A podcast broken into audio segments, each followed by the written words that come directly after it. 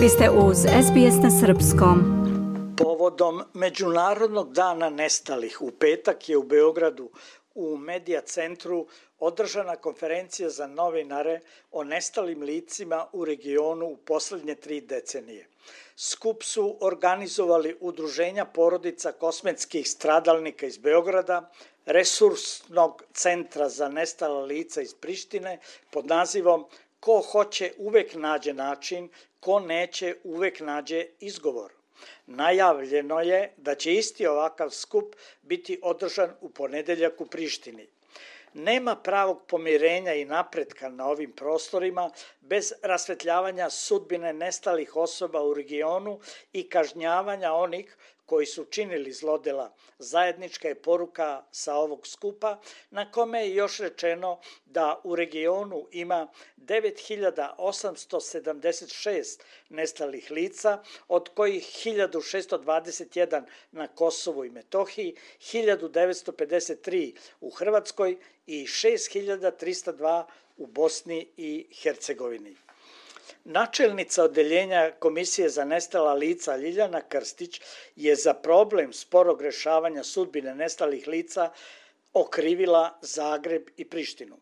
Nestanci Srba, ali i pripadnika drugih naroda, bili su na njihovim teritorijama i mi zavisimo od drugih strana u procesu.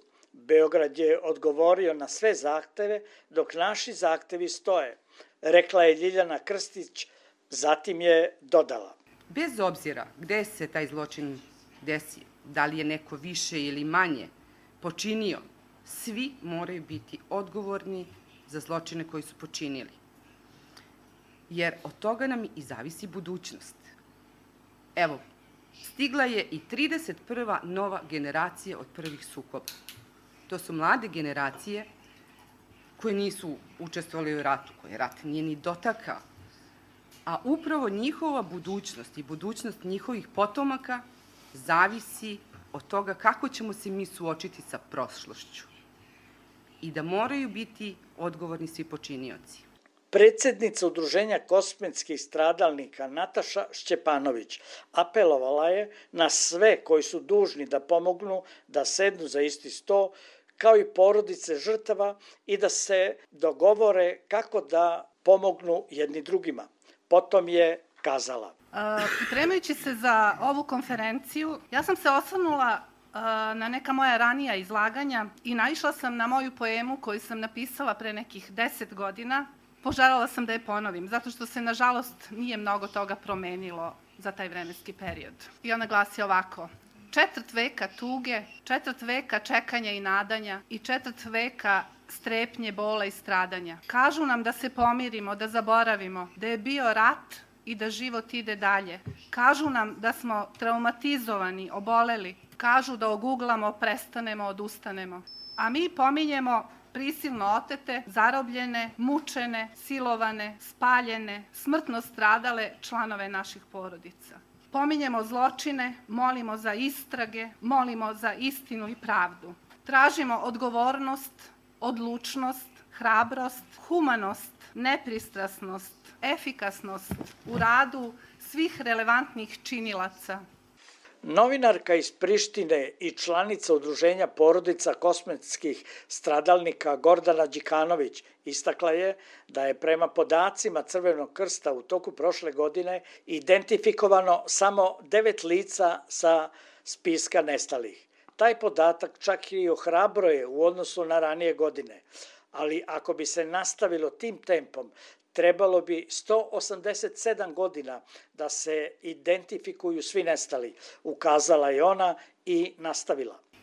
Naziv konferencije za novinare je zapravo i naša poruka sa ove konferencije, a isti naziv će imati i konferencija u Prištini.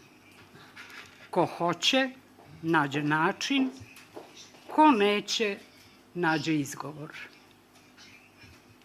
I to je u stvari suština onoga što e, opterećuje i, i produžava naše traume svih ovih godina. Marinko Đurić zatražio je otvaranje arhiva bezbedonosnih službi u Srbiji i na Kosovu, ali i međunarodne zajednice, što bi pomoglo u pronalaženju nestalih. On je istakao da se u mrtvačnici u Prištini nalaze tela još 300 žrtava koje nikako da se identifikuju. Izvršni direktor Resursnog centra u Prištini, Bajram Čerkinaj, rekao je da su među nestalima 83 bebe, o čijoj sudbini se ništa ne zna, kao i da vlasti pokušavaju da ispolitizuju problem nestalih lica. Pa došao me komentu, pa došao me lavdu puno čeka na bom, pa došao me. Sprečavaju nas da govorimo o tome oni koji se bave politikom. Nisu nam pomogli ni stranci na Kosovu, krivi su koliko i ljudi iz naše vlade, dodao je Čerkinaj. On je apelovao na sve da ne politizuju to pitanje, već samo da im pomognu da pronađu, kako je naveo, 1621 nestalo lice, da ih dostojno sahrane i da im podignu spomenik, da imaju gde da im donesu cveće. Posle skupa članovi porodica nestalih bacili su sa Brankovog mosta venac i cveće u znak sećanja na sve nestale. Iz Beograda za SBS radio Hranislav Nikolić. Želite da čujete još priča poput ove? Slušajte nas na Apple Podcast, Google Podcast, Spotify ili odakle god slušate podcast.